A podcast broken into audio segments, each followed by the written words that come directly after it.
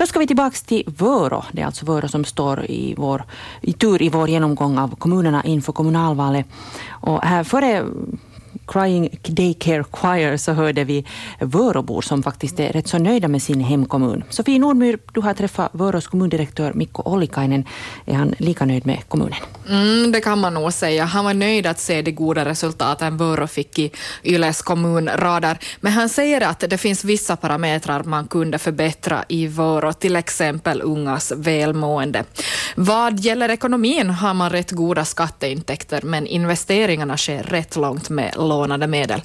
Vi ska höra vad Mikko Ollikainen har att säga om Vöros ekonomi. Överlag så har vi nog ekonomin riktigt okej okay nog. Det, det, är nog på det sättet om man jämför med många andra så tycker jag att vi har, har det riktigt på, på god grund, men att eh, vi måste nog vi kan inte släppa det om vi uttrycker det så, utan det gäller att vara vaken hela tiden. Har du några sådana konkreta tankar om vad som borde göras?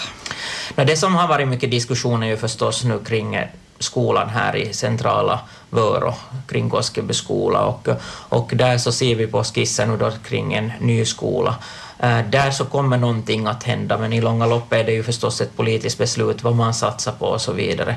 Eh, den fastigheten är inte ändamålsenlig, så vi borde nog satsa, satsa på, på det på, på ett eller annat sätt eh, och få det.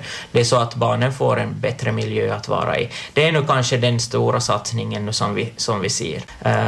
Men sen också kring planläggning och, och så vidare, alltså inte själva den här väggar, utan mera kanske att vi blir kanske lite aktivare kring att, att köpa in mark och att, att se över var vi planlägger och hur vi lägger upp eh, framtidens kommun och var man ska bo i, i framtiden. Ja, I ditt reportage Sofie, så hörde vi också att Vörås befolkningsutveckling hållits på samma nivå de här senaste åren. Vad gör man då för att locka fler invånare? Då kommundirektören han säger att de redan i fjol gick in för en aktivare marknadsföring för att ta fram det goda som finns i Vörå. Det är då till exempel planläggning, tomter, men också det kommunen har att erbjuda inom idrott och, kultur. Och, det är ju också många som pendlar från Vörå till arbete i andra kommuner. Därför vill Mikko Ollikainen se att, att de också i framtiden har så god service som möjligt, att, att man vill bo i Vörå trots att man arbetar på annan ort. Och med pendling så kommer också det här kravet och, och att det är viktigt att vägarna är i skick. Det tror jag nog ger fler invånare. Och sen är det ju förstås vägarna som ska vara i skick, alltså att, att det är ju våra livsnerver så är att vägarna är i skick och den här vintern hade ju inte varit så. Men vi hoppas ju att, att det ska vara bättre nu de kommande, kommande åren och vintrarna och så vidare för att det har nog varit, varit ganska, ja eller det har varit mycket, mycket dåligt den här, den här vintern. Och, men det där vägarnas så är livsviktiga för, för landsbygden och för pendlingen och så vidare. Att vi ser ju nog att om inte det går så här så då har vi, folk kan se på olika alternativ då, det är inte schysst tycker vi. Det här kommunalvalet är inte heller det första valet där kommunsammanslagningar diskuteras. Vad säger man i vår om kommunsammanslagningar? Novörå har ju verkligen varit i framkant, gått i bräschen vad gäller kommunsammanslagningar. Eh, Maxmo gick ju ihop med Vörå 2007 och 2011 kom Oravais med och då bildades då den här nya kommunen Vörå som vi känner idag. Och de Vöråbor jag träffade när jag var ute och gjorde det här inslaget tyckte att det räcker med kommunfusionen nu och, och så här säger kommundirektören Mikko Ollikainen. Ja, det där är väl den stora snackisen nu, nu då i de kommande, komma, den kommande perioden, men äh, alltså om man ser på yttre förutsättningar för, för oss vidkommande så är det som ingen panik med, med det nu inte, alltså som man ser på ekonomiska förutsättningar och, och också den där livskraften och på det sättet. Men det, det är förstås det att vi, vi måste samarbeta nog fortsättningsvis, till exempel då det gäller livskraften, och ur det perspektivet kan jag förstå den här diskussionen, att man har en god sysselsättning och skapar arbetsplatser och så vidare.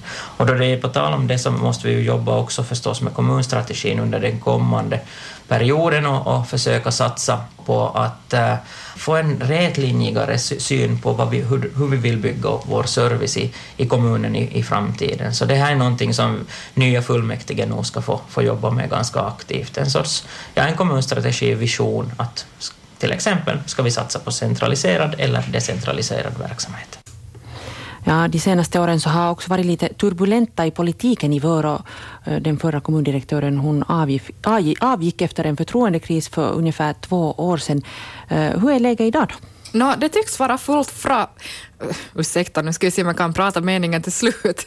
Det tycks vara full fart framåt helt enkelt. Vi, vi låter Mikko Ollikainen prata istället det är klart att sådana här saker så sätter sina spår och eh, nu finns det ju kanske delvis de här spåren ännu, ännu kvar. Men att ändå så tycker jag att vi har en, en, en väg nu framåt, att vi försöker hitta vägar framåt och, och uh, har också fått en hel del gjort nu under de, de här senaste, senaste åren. Eh, så jag ser nog alltså ändå att vi, vi skapar nytt och det här är någonting som man ska göra i framtiden också. Så att jag tycker nog vi är på, på rätt väg och jag tror nog att den kommande perioden så, så kanske kommer att bli, fortsätta i, i den att man siktar i den stilen att man siktar framåt. Det sa alltså Vörås kommundirektör Mikko Ollikainen. Och kommunal, kommunvalet det hålls ju alltså då den 9 april, ganska så snart.